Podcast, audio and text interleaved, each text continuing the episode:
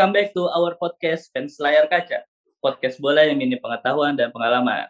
Hai guys, gimana kabarnya nih pada udah pada sehat? Oh ya, gue belum nyapa-nyapa. Oke, mungkin jadi setelah pekan kemarin kami tidak tayang karena kami terbang menghadiri upacara pemakaman Ratu Inggris Queen Elizabeth II. ya, alhamdulillah kini ya alhamdulillah kini sekarang kita sudah bisa hadir kembali. Menghormati Ratu uh, Ratu Elizabeth. Liga Liga Inggris aja libur, masa kita tayang kan eh, nggak sopan, nggak eh, sopan. Eh, kita bukan podcast EPL, tapi kebetulan tuh kayaknya kemarin si Ratu meninggal bawa balak ke kita. Kita bertiga sakit semua. bener bener. Batuk semua. Mana enak rekaman batuk-batuk anjir. Iya. Makanya kita kemarin tidak bisa hadir karena kita pada ngedrop, pada batuk, pilek dan yang lainnya. Ini gara-gara kita terlalu menyembah ya. Liga Inggris jadinya dia mati, dia mati. Kitanya kena sama kena karma, kampret. Iya. Oke. Okay. Bersama saya Rijal dan kedua sahabat saya Bang Jengi dan Coach Nabil. Gimana kabarnya guys? Alhamdulillah baru sembuh gua. Oke, gimana Bang Jenggi? Hah? Sehat, sehat. Sehat selama Liverpool belum main sehat. Oke, siap, siap. Liverpool belum main sehat. Untung diundur tuh jamnya. Kalau Liverpool udah main nggak tahu. Padahal harusnya bukan apa weekend kemarin ada lawan Chelsea, lawan ya. Chelsea, Liverpool Chelsea harusnya, harusnya. Dan kalau ya. dan kalau kalah ya nggak tahu gua, gua bisa tag podcast apa enggak bisa kuat track podcast apa enggak? Di hadapan iya, benar. ini salah benar-benar match apa? Kalian saling ketemu gitu kan. Jadi kayak salah satu kalah pasti salah satu nggak hadir kayak kemarin masalahnya ya, itu tim lagi tim tim lagi tim goblok berdua lagi goblok semuanya. Jadi seru ngecengin ya. Uh -uh. jadi fun match ya Jul. Iya fun match bukan big match. Iya. Oke. Okay. Jadi nanti di overview-nya Instagram kita bukan big match tapi fun match. Fun match, fun match. Iya benar juga ya. Boleh, boleh, boleh. Oke. Okay. Karena padatnya kegiatan dan tidak menentunya cuaca jadi kita kemarin pada sakit. Uh, jadi seharusnya kita sekarang udah di episode 7 nih. Udah jadi CR kita cuma karena kemarin pada sakit jadi kita masih di apa? Masih menjadi sapi di Barca kita masih di episode 6. Oke, kita coba awali dari liga yang cukup menarik. Karena Big Four mereka saat ini saling berseri di posisi 10 besar. Nah, yaitu saling Milan berseri, di posisi 5. Berseri itu apa? Berseri kan saling berurutan. berseri saling berurutan. Iya kan? Berseri. Milan di posisi 5, Roma di posisi 6, Inter di posisi 7, dan Juventus di posisi 8. Jadi mereka saling berseri itu di Serie A. Mantap. Keren nggak narasi gue? Mantap gak tuh? Mayan, mayan, mayan. Oke, oke. Menurut kalian nih, uh, keempat klub ini, apakah ada faktor penurunan atau mereka sebenarnya mainnya cukup bagus, tapi lawannya aja yang lebih baik? Gimana menurut lo, Bang Jenggi? Terserah gimana? mau mulai dari klub yang mana. Apa gimana gimana? Jadi menurut lo hmm? keempat klub ini hmm. uh, apakah mereka penurunan performanya atau sebenarnya performanya bagus tapi lawannya yang lebih baik? Yang kedua sih, uh, mainnya bagus tapi emang lawannya lebih baik aja. Uh, tapi emang apa ini mengindikasikan bahwa Liga Italia sudah makin kompetitif, uh, makin uh, dari tahun ke tahun sejak Juve uh, tidak mengambil alih gelar juara gitu ya. Yes. Iya. Uh, gelar juaranya diambil alih oleh tim lain, saat itu Inter tahun berikutnya Milan. Ini ada satu hal yang positif nih di Liga Italia.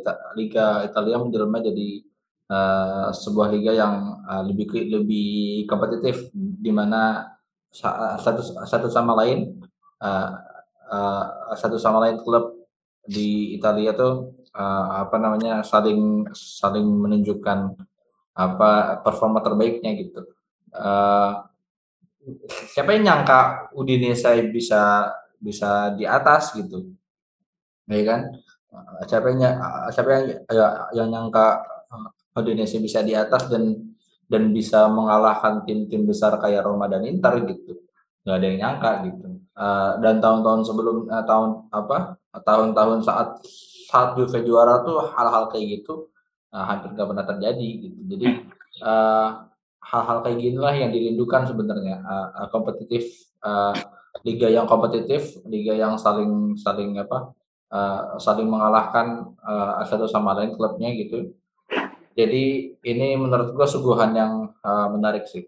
Uh, Milan lawan Napoli apakah Milan yang main jelek? Gak juga. Banyak peluang juga. Tapi memang Napoli lebih taktis dan lebih bisa memanfaatkan peluang uh, terus apakah Juve kalah lawan apa kemarin Monza uh, iya betul lah Monza uh, Juve kalah lawan uh, kalah di, di penalti meskipun uh, dari babak pertama sudah main dengan 10 orang sebenarnya Juve juga nggak tampil buruk-buruk amat menurut gue ya. Nah, karena hmm. masih masih banyak peluang juga gitu. Dengan main 10 orang pun mereka masih bisa buat buat peluang gitu. Tapi AC Monza uh, tim kecil yang tidak terlalu atraktif juga mainnya benar-benar nunggu di di apa di pertahanan sendiri. Jadi benar-benar Juve itu kayak dikurung gitu. Uh, tapi bukan berarti Juve nggak ada peluang, ada peluang tapi memang tidak bisa membuahkan gol aja gitu. Terus uh, AS Roma pun begitu. AS Roma juga banyak peluang juga. Uh, banyak peluang juga tapi nggak bisa nggak bisa menyelesaikan jadi gol. Terus apalagi ada Inter, Inter, Inter. lawan Udinese. Inter lawan Udinese. Uh, Udinese ini memang emang lagi bagus-bagusnya, tapi apakah bisa konsisten apa enggak kita lihat loh. Tapi ini uh, satu hal yang positif sih. Lazio, Udinese, Napoli di atas, terus juga ada Atlanta, Atlanta ada, ada Atalanta juga gitu. Jadi ini, aduh apa?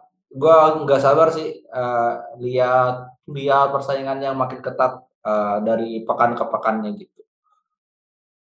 Dan gue harap ini jadi hal yang positif buat Liga Italia nih, karena Liga Italia pernah pernah apa namanya pernah berjaya di Indonesia, pernah digandrungi oleh banyak penonton sepak bola. Nah, hmm.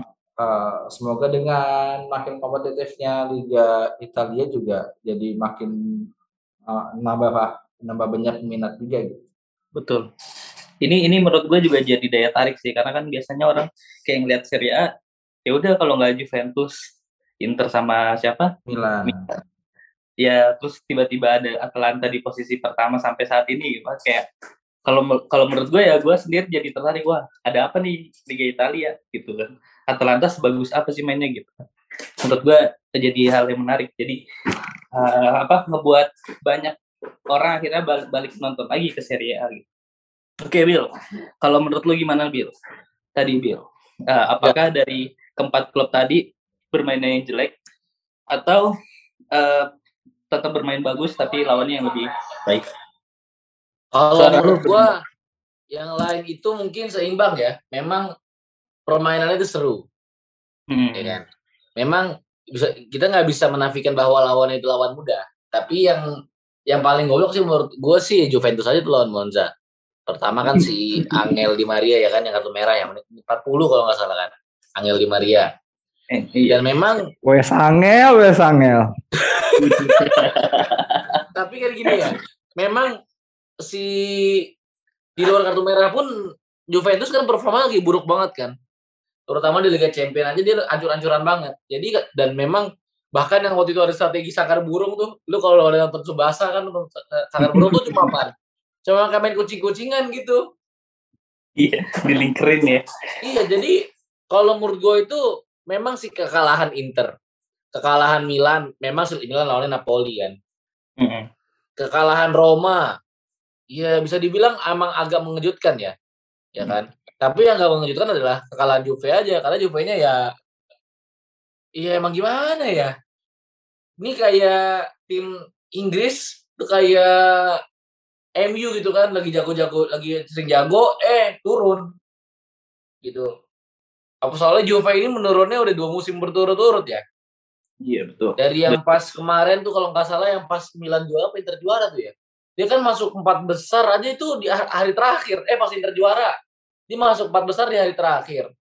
Terus Milan pas di Milan juara juga kan dia masuk empat besar di ini ya di hari terakhir.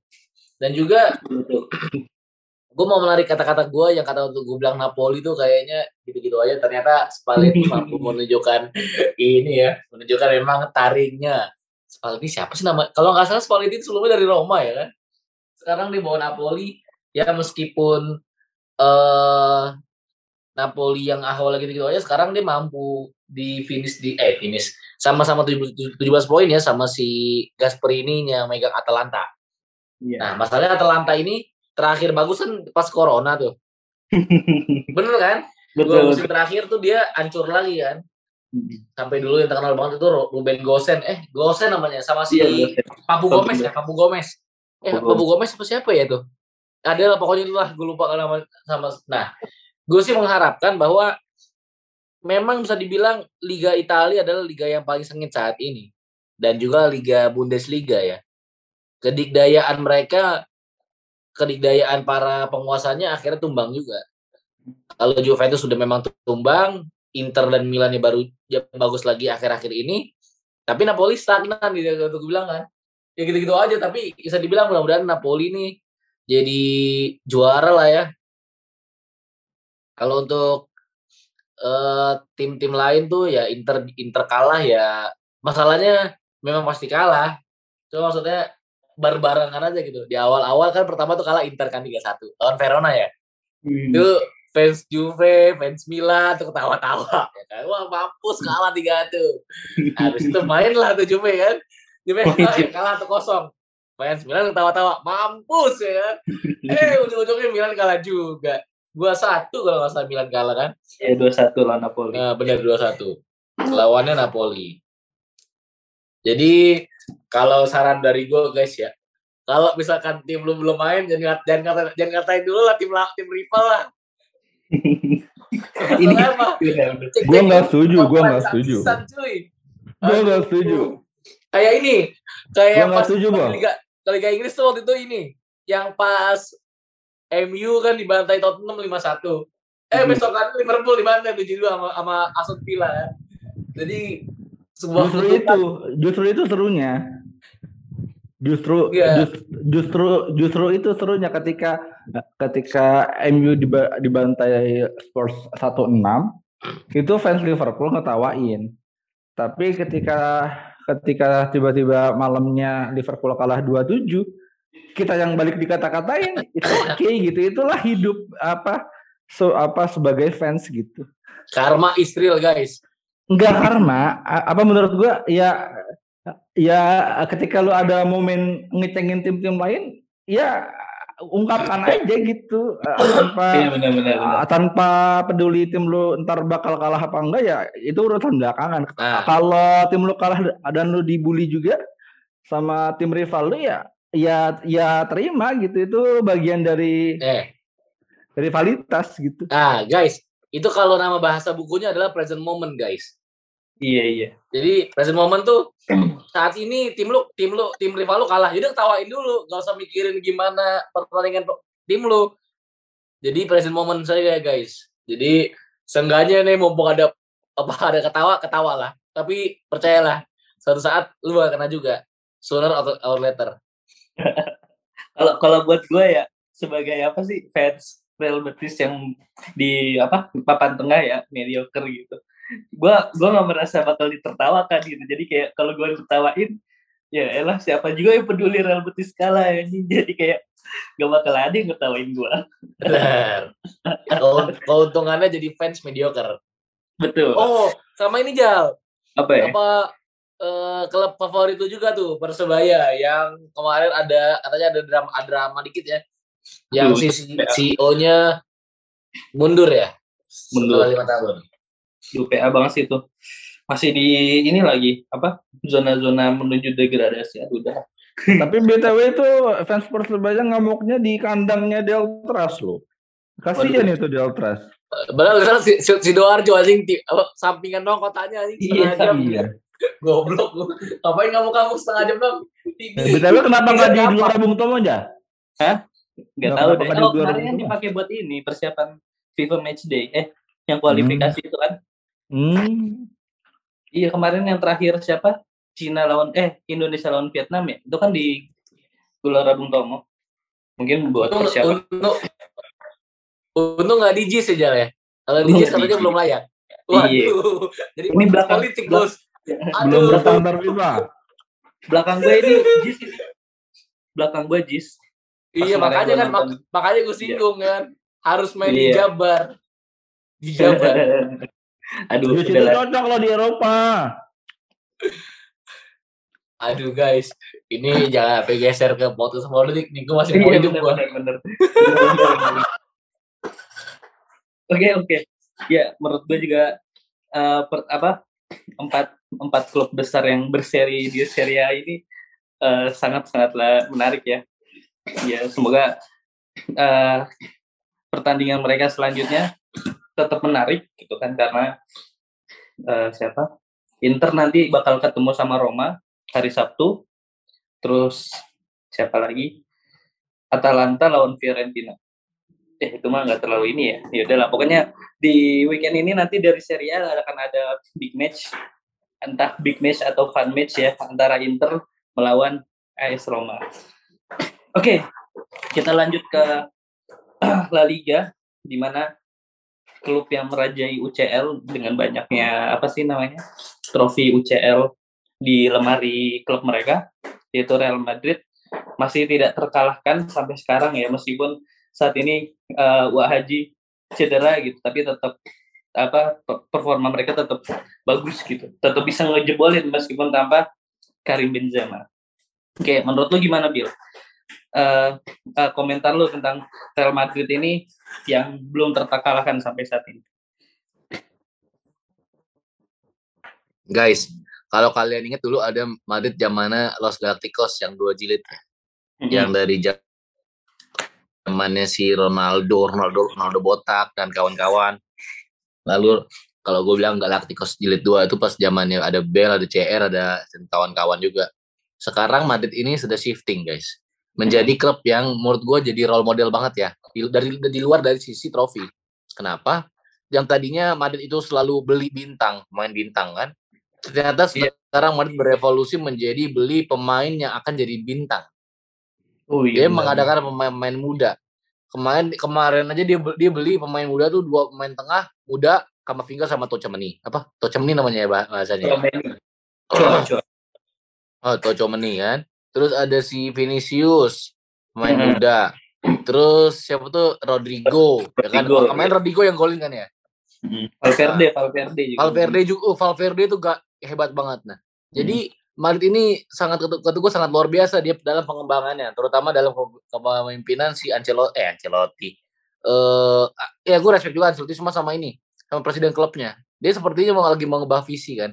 Setelah kegagalan mereka sebelumnya pembeli beli pemain-pemain yang bisa dibilang bintang lah ya si Hazard. Lalu sebelumnya kan beli Luka Jovic yang agak gacor semusim ternyata gagal. Jadi Iya. mereka tuh berevalu berevaluasi guys. Jadi gini guys, ketika lu udah punya plan A, plan A lu gak jalan, dia mau nggak mau lu harus cut ke plan B. Dulu Madrid beli Hazard gagal kan, terus juga nggak berhasil, pemain juga udah pada tuir. Akhirnya mereka melakukan sesuatu yang radikal guys. Radikal ini adalah perubahan besar-besaran dari investasi ke pemain yang udah jadi bintang, bahkan melihat pemain ke pemain potensi pemain ke yang akan jadi bintang. Jadi bisa dibilang nih yang awal-awal musim termasuk gua meremehkan Madrid. Madrid tanpa Benzema bisa apa? Ternyata Madrid tanpa Benzema tetaplah Real Madrid. Anjing menang semua. Berapa pertandingan? 6, 6 apa 7 pertandingan? 7 pertandingan apa 6 pertandingan ya? Ada enam, enam pertandingan enam Enam ya? pertandingan Iya 6 pertandingan menang terus gila lu. Padahal Wakaji Wakaji yang bisa dibilang jantungnya, rohnya cedera. Buset, masih tetap jago. Respect guys sama Madrid. lanjut gimana menurut lo Ajam Jembang Tinggi dengan Ya. unbeaten-nya Real Madrid Ya, gua rasa Madrid membungkam banyak banyak ini ya, banyak orang. Di mana apa namanya banyak yang bilang bahwa Real Madrid kemarin menang UCL cuma kebetulan aja gitu ya, cuma menang hoki aja gitu, bahwa di atas kertas Liverpool lah yang lebih layak juara. Terus uh, Madrid musim-musim depannya akan akan being Madrid yang emang apa uh, biasa aja gitu nggak yang terlalu istimewa juga. Ya itu semua dibungkam gitu karena uh, kan banyak yang ngetawain juga kan. Hmm. apa beli Chouameni 100 juta gitu ya. Uh, emang apa terus jual Casemiro uh, berani-beraninya jual Casemiro ke MU gitu. Nah itu semua kan banyak yang memprediksi ah ini Madrid tanda-tanda Madrid bakal nurun nih gitu ya. Dengan keputusan-keputusan uh, transfer mainnya yang memang kurang inilah kurang bijak uh, uh, kurang dianggap bijak gitu ya. Tapi ternyata uh, yang terjadi sebaliknya gitu. Dengan main-main muda yang dia beli gitu ya uh, dengan uh, segala keputusan di bursa transfer kemarin ternyata Madrid hari ini tetap bisa memenangkan seluruh pertandingan yang emang uh, mereka hadapi gitu. Dan apa ya menurut gua banyak banyak apa ya? Uh, ini banyak membungkam banyak orang apa membungkam omongan banyak orang yang bilang Madrid akan nurun akan nurun tapi ternyata masih bisa bertahan di levelnya gitu. Dan yang gua penasaran sih El Clasico-nya setelah ini. El Clasico setelah setelah Madrid uh, dengan rentetan kemenangan yang sempurna sampai saat ini. Lalu dengan progres Barca juga yang makin makin hari makin baik juga di bawah kepemimpinan Xavi gitu ya. Gue penasaran El Clasico akan seseru apa gitu. Dan apakah bisa El Clasico besok memenuhi ekspektasi kita menjadi El Clasico yang kompetitif, El Clasico yang saling jual beli serangan dan seru gitu. Itu sih. Siap. Nah, Jal, sekarang mau nanya ke lu, Jal. Gimana, Pak? Gimana nih? Kan sekarang Betis masih bertahan di empat besar. Jadi gimana, gimana komentarnya nih? komentar oke okay. uh, gue gue senang banget ya Betis nih gue gue ngiranya kan Manuel Pellegrini bakal tetap kayak mempertahankan untuk di zona UEL gitu tapi ternyata sambil dia tetap apa uh, apa ya mencoba di apa UEL menjuarai UEL ya. Uh, tapi dia tetap berjuang juga di La Liga gitu. Sekarang aja posisinya udah di apa masih di apa posisinya di tiga besar gitu. Di bawah uh, Barcelona beda satu poin doang gitu. Ya bedanya karena Barcelona sedih sekali kalau Betis kemarin kalah sekali lawan Real Madrid gitu ya ini cukup menggembirakan gitu ya. Akhirnya ya gue senang ya kalau pada akhirnya nanti banyak-banyak apa namanya podcast bola yang akhirnya kayak mention Real Betis gitu. Jadi kayak wah uh, sekarang ternyata Real Betis sudah layak untuk dibicarakan gitu. Gitu sih. Itu menurut gue yang menariknya ya. Di samping sekarang uh, posisi Betis sebenarnya uh, andalan mereka ya saat ini kan ada Yuan Mi sama siapa uh, Nabil Fekir ya dua-duanya nih sekarang lagi cedera gitu cuma yang yang gue lihat posisi mereka tetap bisa di apa di apa ya bahasanya uh, posisi mereka tetap bisa di apa ditutup ya, ditutup sama pemain lain gitu yang sama lah layak gitu. Ya meskipun cara bermainnya beda gitu kan. Gitu ya. Gue seneng aja gitu karena Juan Mini eh gue agak sedih aja karena Juan Mini cedera gitu kan. Cederanya cukup panjang. Katanya sih bisa sampai awal tahun baru bisa main lagi gitu kan. Padahal di padahal ya musim kemarin dia jadi top skornya di Real Betis itu di terus ke nomor duanya ada Borja Iglesias. Tuh terus Nabil Fekir juga cedera.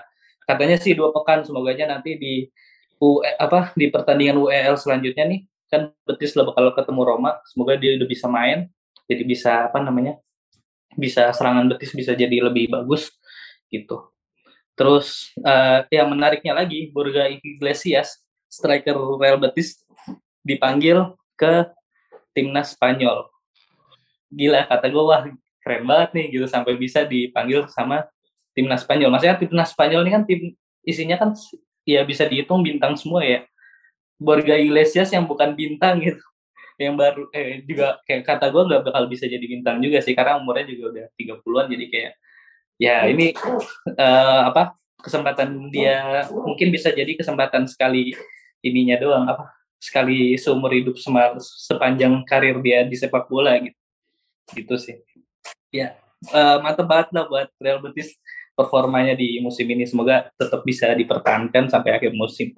Jadi bisa masuk ke liga apa zona Liga Champions terus bisa ketemu Chelsea sama Liverpool. Kalau pada membaik. Anjay. Okay. Tapi gue ini juga Jal. Gue hmm. apa? Siapa nama pelatihnya si Spanyol tuh? Lupa gue. Manuel Pellegrini. Pelatih Spanyol, mantan mantan pelatih Barca tuh. Oh. Duh, gue lupa lagi. Eh, Enrique, Enrique. Eh, Enrique. Menurut gue Enrique eh, dengan memanggil striker dari Betis suatu keputusan tepat juga ya. Melihat sosok Spanyol tidak memiliki striker yang gacor ya. Mm-hmm. Siapa tahu menjadi ini loh, jadi solusi lah. Jadi solusi. Tapi kalau di kalau dipikir-pikir nih uh, kasusnya mirip sama Fardi. Ketika udah tuir baru dipanggil sama timnas. Tapi Fardi langsung mem membedain Fardi kan dia apa lumayan lumayan lah gacor ya walaupun sebenarnya pasti panggil juga masih bisa dibilang opsi keduanya dari Harry Kane. Si Kane ya, Kane.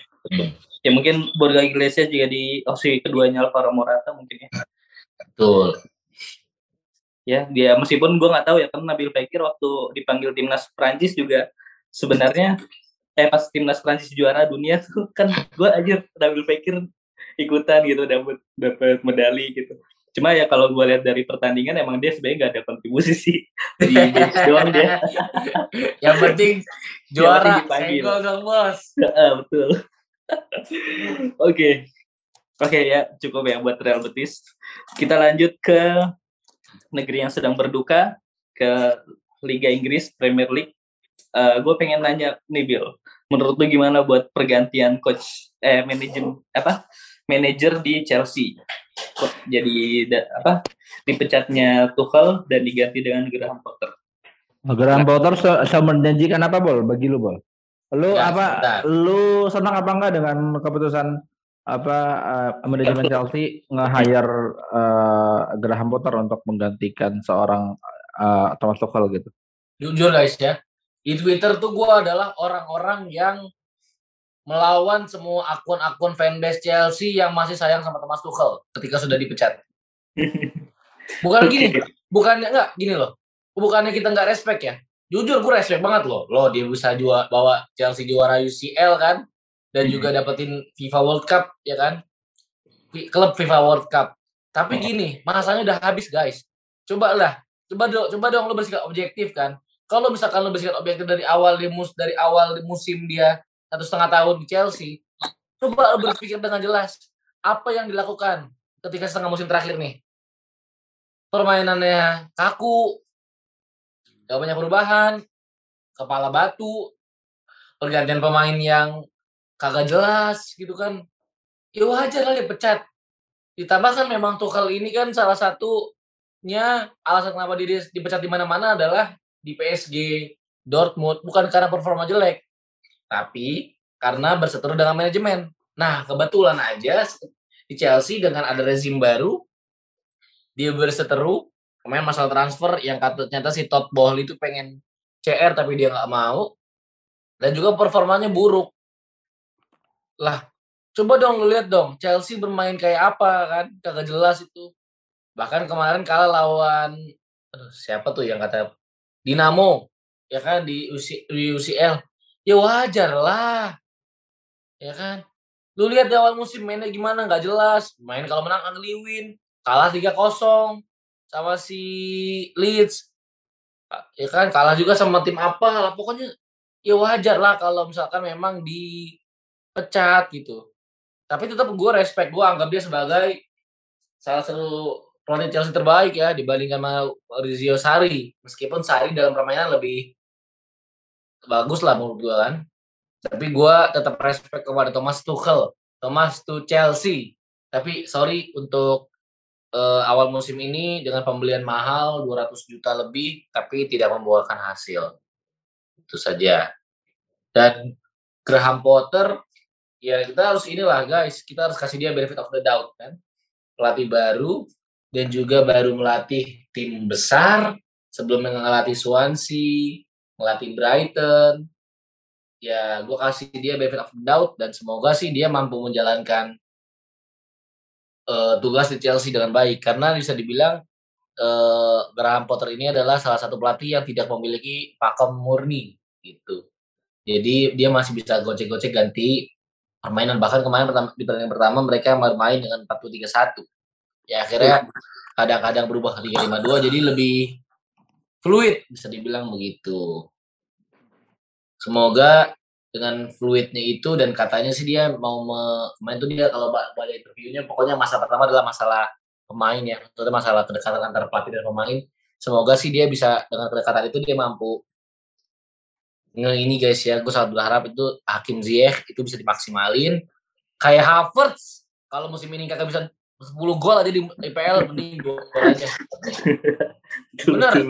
main kelemar-kelemar dan satu lagi guys gue jujur dari pertama kali nonton Mason Mount main ketika di Chelsea di zaman Frank Lampard pertandingan kedua melawan Wolves dia golin situ. Gue yang pas yang pertandingan pertamanya Mason Mount di Chelsea lawan MU gue nonton di kalah 4-0 ke Chelsea tapi ketika permainan kedua Mason Mount itu saat itulah gue mulai jadi cinta sama Mason Mount itu tahun 2019 itu dia pemain yang F work rate-nya tinggi dia ditaruh di kiri pernah, taruh di kanan pernah. Kemarin taruh di kanan terakhir ya, walaupun memang pemain nggak berkembang, tapi lu lihat work rate-nya luar biasa. Dan gue sebagai saudaranya jauhnya Mason Mount, gue selalu mendukung Gary Chelsea untuk menjadi kapten Chelsea. Dan juga Rhys James. Rhys James luar biasa ya, bagus. Mantap, mantap. Menurut lo si Graham Potter nih bakal bisa ngebawa Chelsea sejauh mana, Bill? Di Premier League? Ya, kalau bagi gue peringkat empat lah. Enggak, Pak. UCL paling 16 besar. 16 besar. Uh. FA Cup paling 8, 18 besar. Carabao Cup 8 besar. Oke. Okay. Itu FA Cup sama Carabao duluan mana deh? Biasanya FA duluan. Duluan Carabao duluan. Carabao tuh finalnya itu selalu bulan Februari atau Maret gitu. Kalau FA Cup kan nggak jauh dari April ya. Cuma cuma eh harusnya berarti udah mulai ya awal Oktober. Iya, tapi memang pertandingan pertandingannya pertandingannya nggak sebanyak FA Cup dong. FA Cup kan dia sampai ini, sampai Champ divisi, Liga 2 divisi sekian iya. masih main tuh dia. Luar biasa. Betul betul betul. Kalau Karabo tuh lebih ke di Premier League-nya aja sama undangan dari ini ya, championship-nya ya. Betul. Karabo tuh cuma ini doang cuy, apa piala kalau bisa gue bilang kalau gue bilang sih piala tarkam aja. Tarkam yang jadi piala ya ya kasta keempat buat apaan oke okay. menurut lo gimana jam uh, dengan apa dengan Graham Potter masuk jadi manajer Chelsea jam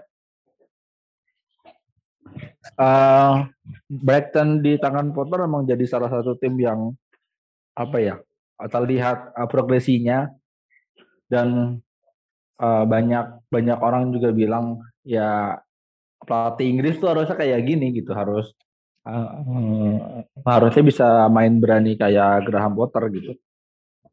Tapi itu kan di tim kecil ya, di tim sekelas Brighton and Half ya. Jadi gue nggak yakin juga apa gue belum sepenuhnya yakin gitu.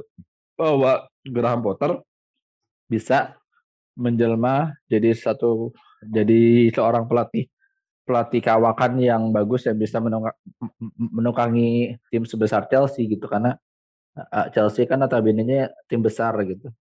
Dan memang spotlight uh, tentu lebih lebih besar lebih banyak daripada dia di Brighton gitu. Jadi kesalahan sekecil apa pun akan disorot oleh media gitu jadi uh, uh, belum juga nanti kan akan akan handle tim-tim besar, ah, tim-tim besar, main-main besar macam Aubameyang gitu ya. Aubameyang. Aubameyang uh, main besar bukan? Bukan ya? Lumayan lah. Lumayan lah, lumayan lah. Jadi, eh, mantan kapten Arsenal jam. Ya intinya inilah intinya mm, banyak main-main uh, main, main kelas internasional yang sebelumnya nggak dia pegang di Brighton gitu kan di Brighton main internasional siapa gitu. Uh, McAllister doang paling di Argentina.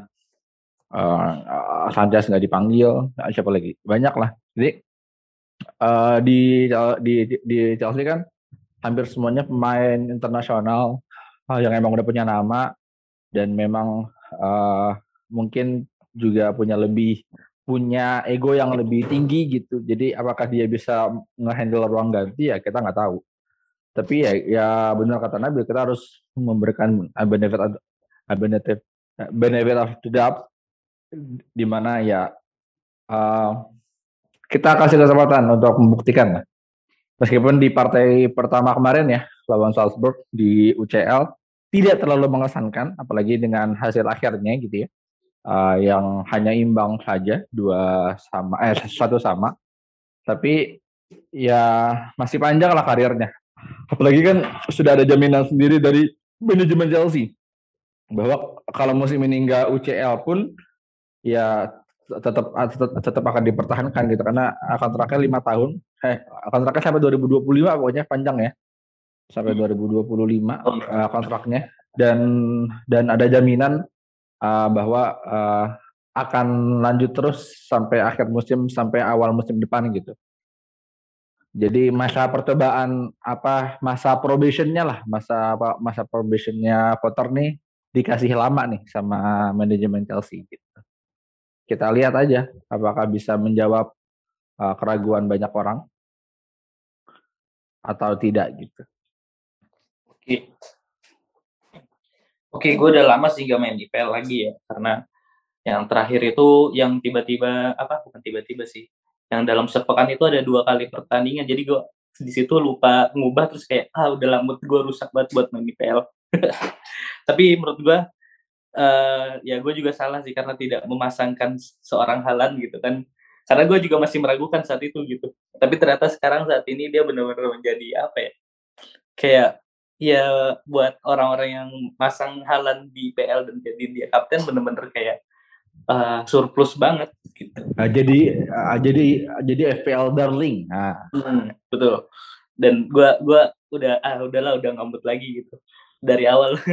ya maksudnya dari semenjak itu jadi kayak aduh padahal kalau misalkan gua dari awal bisa masang halan nih gila banget gitu. Dia jadi monster goal banget di di semua liga eh enggak semua liga sih. Saat ini lah ya gitu. Oke okay. uh, eh, menurut lo menurut lo gimana nih jam? Uh, apa? Erling Haaland. Ya Haaland benar-benar apa ya mengagetkan banyak orang. Uh, sebenarnya yang mengagetkan uh, yang bikin kaget ini sih uh, Pep Guardiola gitu. Karena biasanya uh, biasanya pemain pemain baru main baru di apa main baru yang yang Pep beli itu biasanya itu di ditatar dulu lah di apa ya disimpan dulu benar-benar disesuaikan dulu dengan skemanya City gitu ya. Baru dia bisa bermain reguler uh, apa namanya baru baru dia bisa bermain reguler per pekannya gitu. Tapi tidak terjadi pada Halan gitu. Halan langsung bermain ada sumber main reguler di di pramusim dan di saat musim berjalan pun dari partai perdana pun sudah langsung jadi starter gitu. Bahkan sampai sekarang hampir semua pertandingan City itu ya Halan pasti main dan pasti jadi starter gitu. Uh, bahkan uh, Pep yang waktu itu sesumbar ke media bahwa Halan kalau ada tiap tiga pertandingan apa kalau ada pertandingan tiap tiga hari sekali Halan bakal nggak main pun akhirnya tetap main-main juga gitu. Tetap Tidak terbukti gitu. Ah, jadi banyak yang terkecoh juga tuh uh, bahwa Halan nggak main uh, ternyata main gitu. Dan ketika dia main pun dia bisa berkontribusi lebih gitu. Jadi pertama uh, City yang sebenarnya nggak pernah main striker uh, banyak yang meragukan apakah City bisa main pakai striker apa enggak dengan skemanya Pep ternyata bisa dan yang uh, terus yang kedua uh, ternyata Halan ini bisa sebegitu nyetelnya dengan dengan skemanya Pep dan dengan uh, pemain-pemain lainnya gitu. Uh, membuktikan bahwa ini pemain bukan sembarang pemain, ini benar-benar pemain bintang gitu. Terus dia juga positioningnya bagus, apa didukung dengan dengan fisik dan skill yang yang mumpuni juga. Pokoknya ini pemain paket lengkap. Dan apa kontribusi golnya kan juga jauh lebih tinggi dari XG-nya gitu. XG-nya dia tuh cuma 8 komaan yang apa namanya yang berarti uh, setidak-tidaknya dia bisa nyetak bisa nyetak 8 gol gitu. Tapi yang yang udah dia cetak tuh sekarang 11 gol gitu. Jadi oh. jauh melampaui XG-nya. Hmm. Jadi ini satu capaian yang luar biasa dan apakah apakah Halan lebih baik dari Nunes? Ya iya jelas gitu. Dari dari statistik yang ada tuh jelas jelas banget kalau Halan uh, lebih lebih dari Nunes gitu. Uh, Nunes benar-benar belum nyetel sama Liverpool dan memang kayaknya klub masih nyari apa ya? Nyarinya masih nyari formasi terbaik juga uh, di mana Nunes nantinya bisa berkembang dan bisa lebih berkontribusi dalam tim gitu. Uh, tapi Halan musim ini 20 gol itu amat sangat amat sangat memungkinkan dan amat sangat wajar nampaknya kalau kita berekspektasi kayak gitu gitu bahwa Halan bisa nyampe dua di apa dua puluhan gol. Bahkan apa banyak yang sesumbar jangan-jangan Halan bisa bisa ini nih bisa bisa nyetak rekor uh, penyetak gol terbanyak IPL dalam semusim gitu. Ah kan, kalau kan, kan masalah 34 gol ya? musim ini, tapi musim depan dipecahin. Musim depan lu feelingnya. Apa? Musim ah, musim musim ini belum pecah musim depan baru pecah gitu. Enggak musim de, musim musim ini kayak baru dikit lagi musim, musim depan pecah gila gitu. Oh, oh iya, iya. Oh, tapi musim depan pecahnya sama Nunes ya bukan sama Halan gua kira sama ini gua kira sama Lukaku Lukaku Lukaku balik ya mas Oke. Okay. Lukaku katanya mau mau diperpanjang lagi masa pinjamannya. Gua nggak peduli yang main siapa udah minta Bodo amat. Bodo amat main sampah. Oh. Oke, oke. Oke. Kita kita beralih ke ini Liga Eropa. Uh, silakan gua uh, kita coba apa? Per orang nih kita coba bahas salah satu pertandingan yang menurut kalian uh, menarik buat dibahas di Liga Champions atau UEL di dua pekan ini. Dua pekan kemarin. Silakan mungkin dari Coach Nabil dulu. Gimana gimana Jal?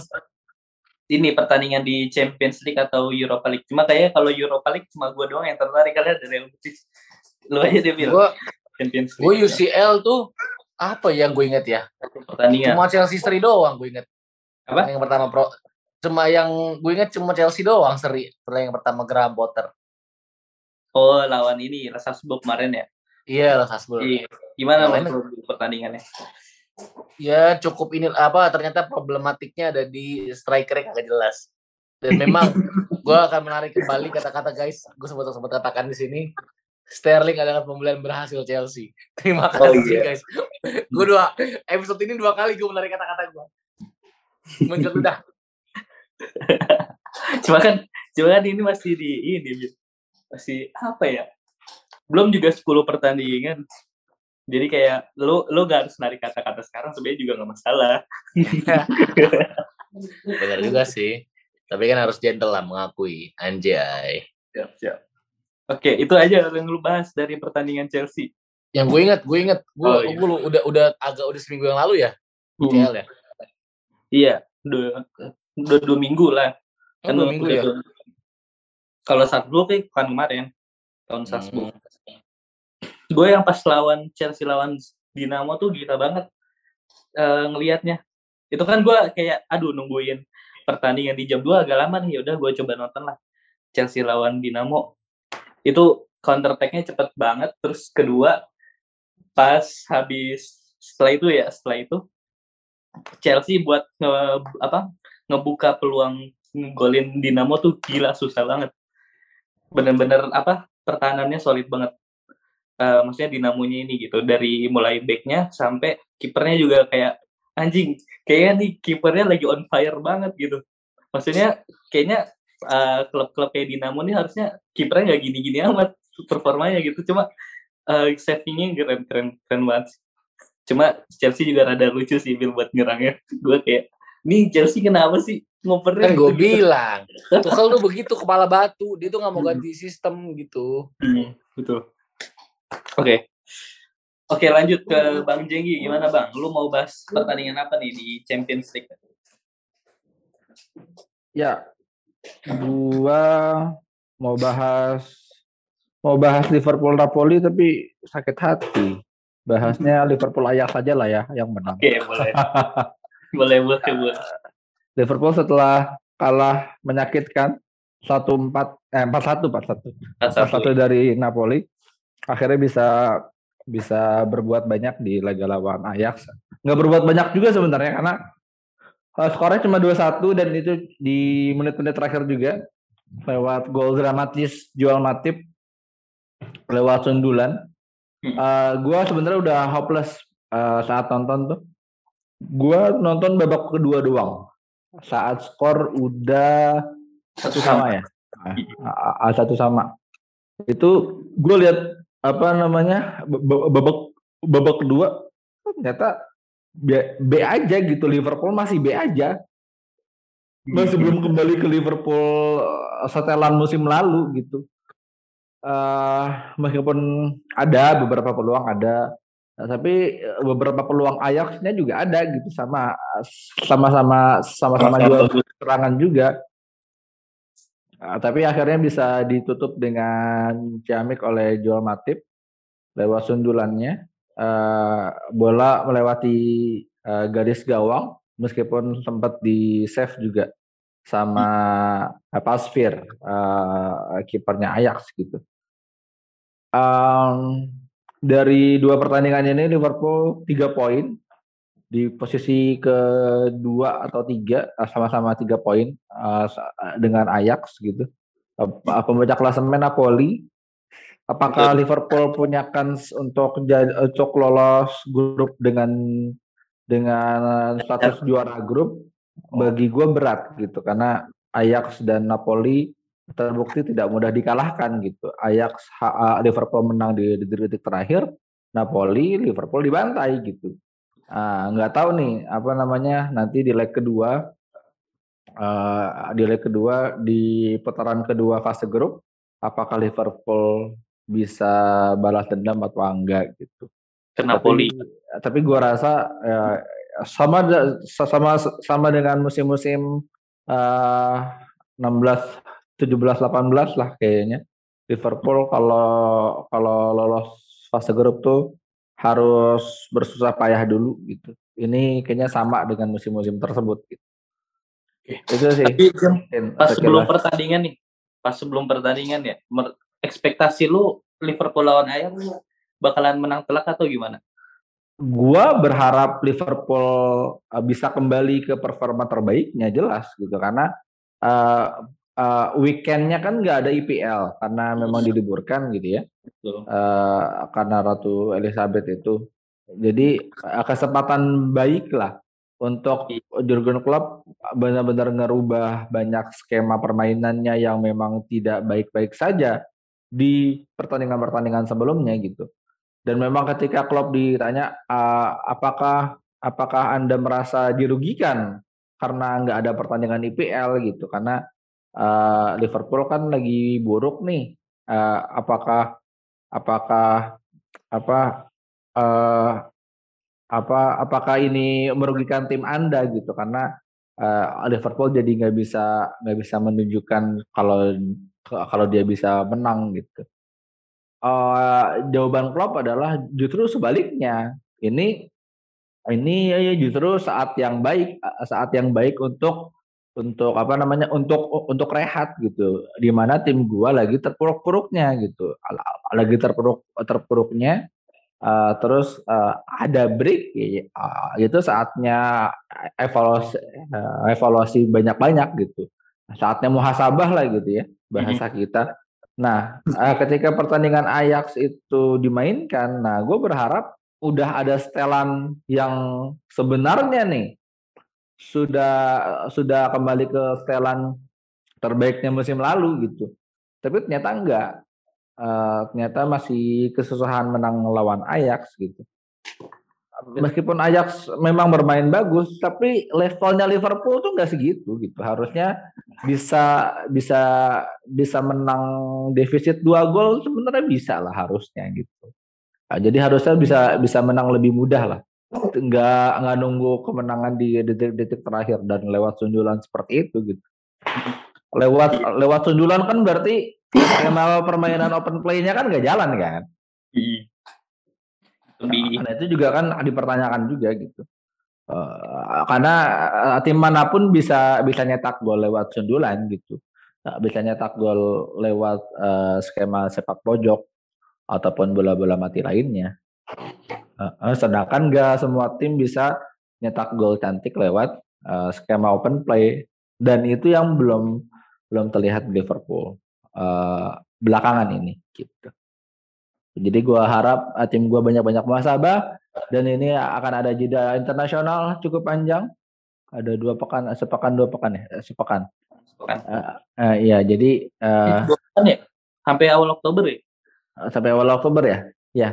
Jadi lumayan lah. Oh, tim gue akan banyak muasabah. Asal nggak balik balik pada cedera aja ini. Kalau balik-balik pada cedera, ritme permainannya terganggu lagi ya sama aja gitu. Nah, Jam, gimana Jam? Sekarang komentar lu tentang Bayern Munchen nih Jam. Yang mana Munchen ini sekarang malah ada terprosok di klasemen papan tengah Bundesliga. Yang malah Union Berlin nih. Yang jadi juara sementara di klasmen satu. Bah, walaupun sebenarnya Munchen ini golnya paling banyak 19 gol. Menurut lo gimana Jam? Kenapa Munchen bisa begini? Munchen di beberapa pertandingan, gue lihat memang tidak menurunkan skuad terbaiknya. Meskipun skuad lapis keduanya Munchen pun di atas kertas tetap lebih baik dari tim-tim uh, Bundesliga lainnya gitu. Jadi nggak ada alasan sebenarnya Munchen itu bisa kalah dengan tim-tim tim-tim kayak Berlin bisa seri lawan Stuttgart bisa seri uh, bisa eh, bisa seri lawan Union Berlin seri sama Stuttgart uh, kalah sama uh, kalah lawan Augsburg kemarin kan jadi nggak uh, nggak ada no no excuse menurut gua Munchen bisa kalah gitu meskipun di beberapa pertandingan itu ada kalanya muncul men, uh, menurunkan lapis keduanya gitu karena mereka juga harus bersaing di uh, di di di UCL gitu. Di mana di UCL mereka masih mulus. Uh, uh, mereka tergabung dalam dalam grup yang bisa dibilang uh, grup neraka gitu ya. Karena di sana ada Barca, di sana ada Inter, hanya Victoria Pleasant aja yang memang uh, bukan tim besar gitu. Jadi uh, gua paham keputusan Nagelsmann uh, di pertandingan-pertandingan Bundesliga kemarin-kemarin itu tidak menurunkan skuad terbaiknya karena memang harus menghadapi Inter dan Barca dan memang di UCL mereka bisa memenangkan kedua pertandingan itu uh, dengan skor yang lumayan 2-0 2-0 ya. Jadi masih clean sheet juga di UCL penampilan di UCL lagi baik-baiknya nih, lagi bagus-bagusnya gitu. Sedangkan di Bundesliga sebaliknya. Ada hmm. indikasi ke sana bahwa yang yang diturunkan memang skuad lapis kedua, tapi yang gua katakan tadi, skuad lapis keduanya Munchen itu tidak itu di atas, di atas kertas tetap lebih baik dari tim Bundesliga mana pun gitu. Jadi nggak ada alasan. Uh, banyak yang harus diperbaiki sih dari permainannya Julian Nagelsmann menurut gua dan apakah Julian Nagelsmann lagi di ujung tanduk masa kepelatihannya di Munchen? Ya kita nggak ada yang tahu uh, uh, manajemen Munchen menghadapi situasi ini seperti apa gitu. Tapi uh, sempat ada sesumber ya, sempat ada sesumber gosip-gosip di media Jerman bahwa uh, kalaupun nanti Nagelsmann dipecat, penggantinya adalah seorang Thomas Tuchel. Munchen akan main tiga Di pecat Chelsea dapatnya Munchen. Wish, naik kelas itu bol sebenarnya naik kelas itu iyalah naik kelas jelas iya jelas, uh, dipecat uh, dipecat bukannya turun kelas naik kelas emang Chelsea membawa berkah nih luar biasa masya Allah. Berarti keren keren kok karirnya ya. Keren PSG, juga. PSG Chelsea, Chelsea Munchen. Buset udah udah udah di pucuk udah pucuk karir. Udah di pucuk karir gitu. Jadi Chelsea mem membawa berkah gitu. Masya Allah, Todd Boehly. Hmm. Blessing in disguise untuk Thomas Tuchel. Nah, tapi tapi tapi belum pasti juga kan. Nah, karena uh, ya banyak yang bilang ya Munchen is being Munchen gitu. Pada saatnya Bundesliga tetap akan dikuasai Munchen pada pada akhirnya. Tapi sampai saat ini Union Berlin masih masih menjadi tim kuda hitam yang uh, bisa tampil konsisten di Bundesliga gitu. Apakah bisa tampil uh, konsisten lebih jauh lagi kita nggak tahu. Dortmund pun nggak terlalu buruk-buruk banget kan. Iya. Dortmund, Dortmund pun nggak terlalu buruk-buruk banget gitu. Apa namanya uh, di di UCL pun kan mereka hampir menang.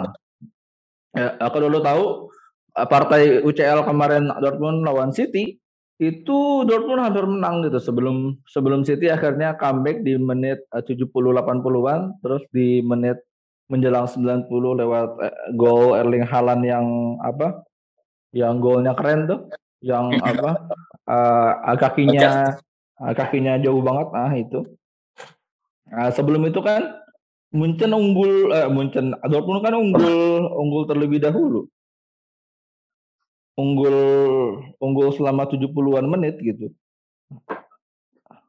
Jadi Dortmund pun menerbar ancaman juga nih. Ataupun di peringkat kedua, muncul di peringkat kelima. Hah, ini PR-nya banyak nih.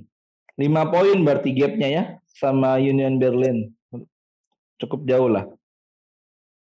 Uh, Frankfurt juga belum kembali ke, ke performa terbaiknya setelah musim lalu bisa juara UEL jadi ya Munchen Munchen uh, meskipun biasanya mereka akan balik ke performa uh, ke performa yang seharusnya gitu. Tapi gua rasa mulai sekarang mun, uh, manajemen Munchen uh, mulai harus deg-degan nih.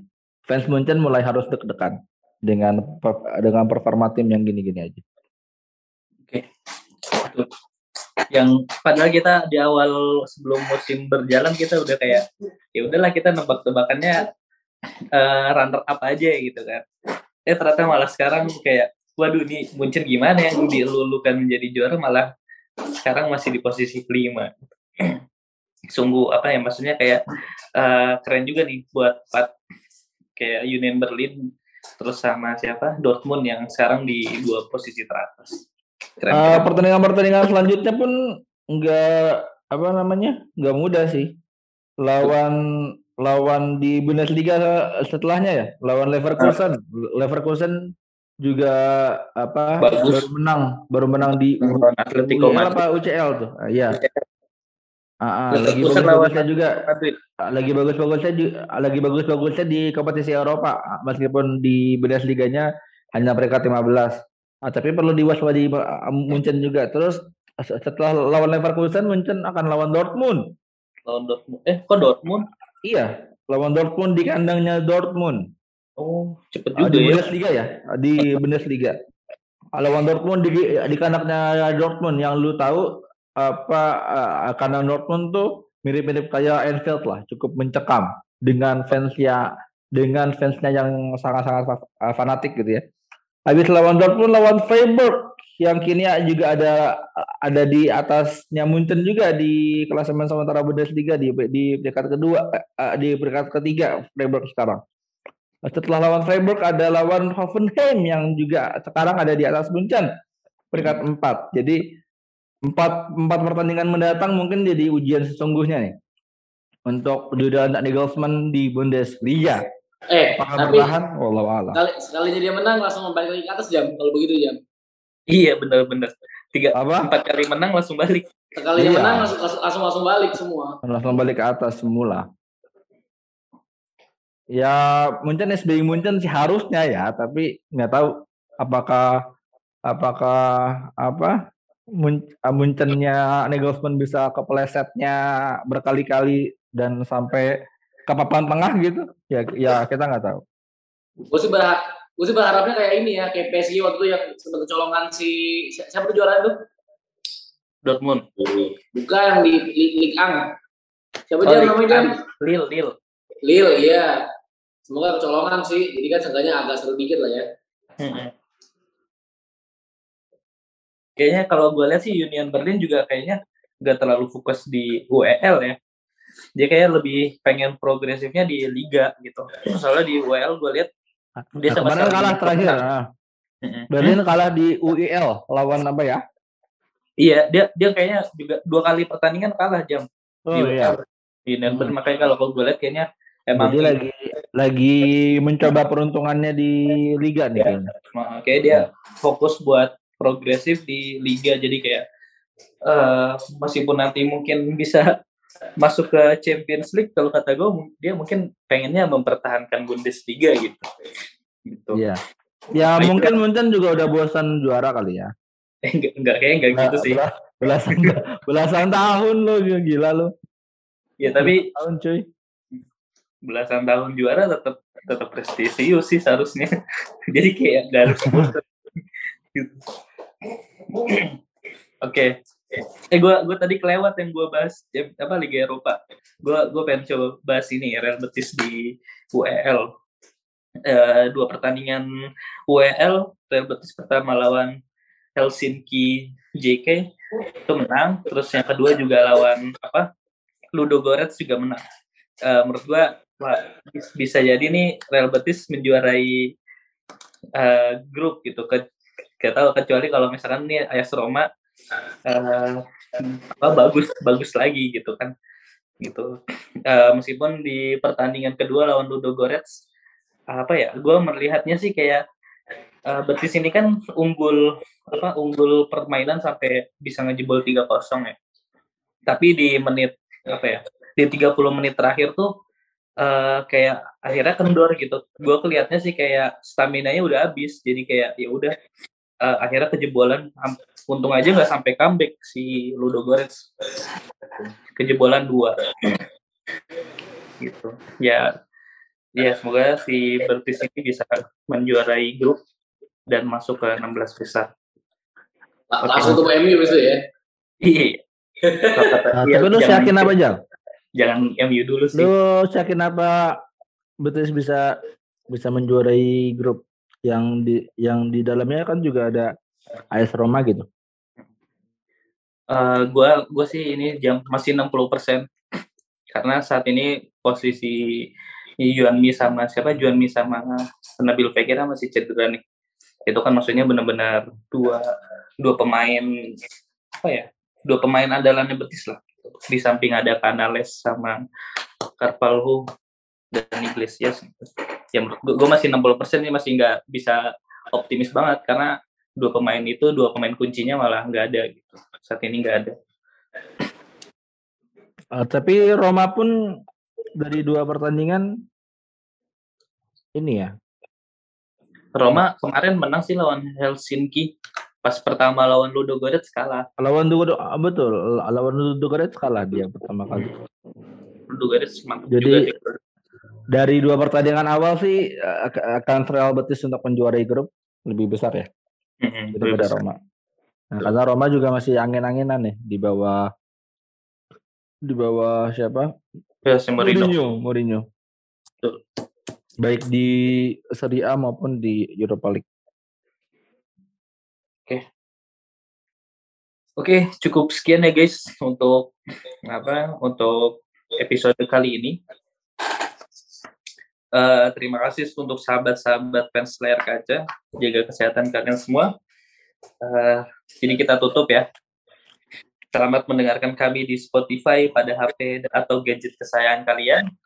Dan pantengin terus Instagram kita. Oh iya, kita udah lama nih nggak ada overview-overview big match. Mungkin nanti... Unmatch, unmatch. Mungkin kita nanti bisa akan adakan lagi ya. Jadi tetap pantengin terus teman-teman semua yang mendengarkan uh, pantengin kita di Instagram uh, podcast layar kaca, fans layar kaca. Oke, okay, see you next time. Bye.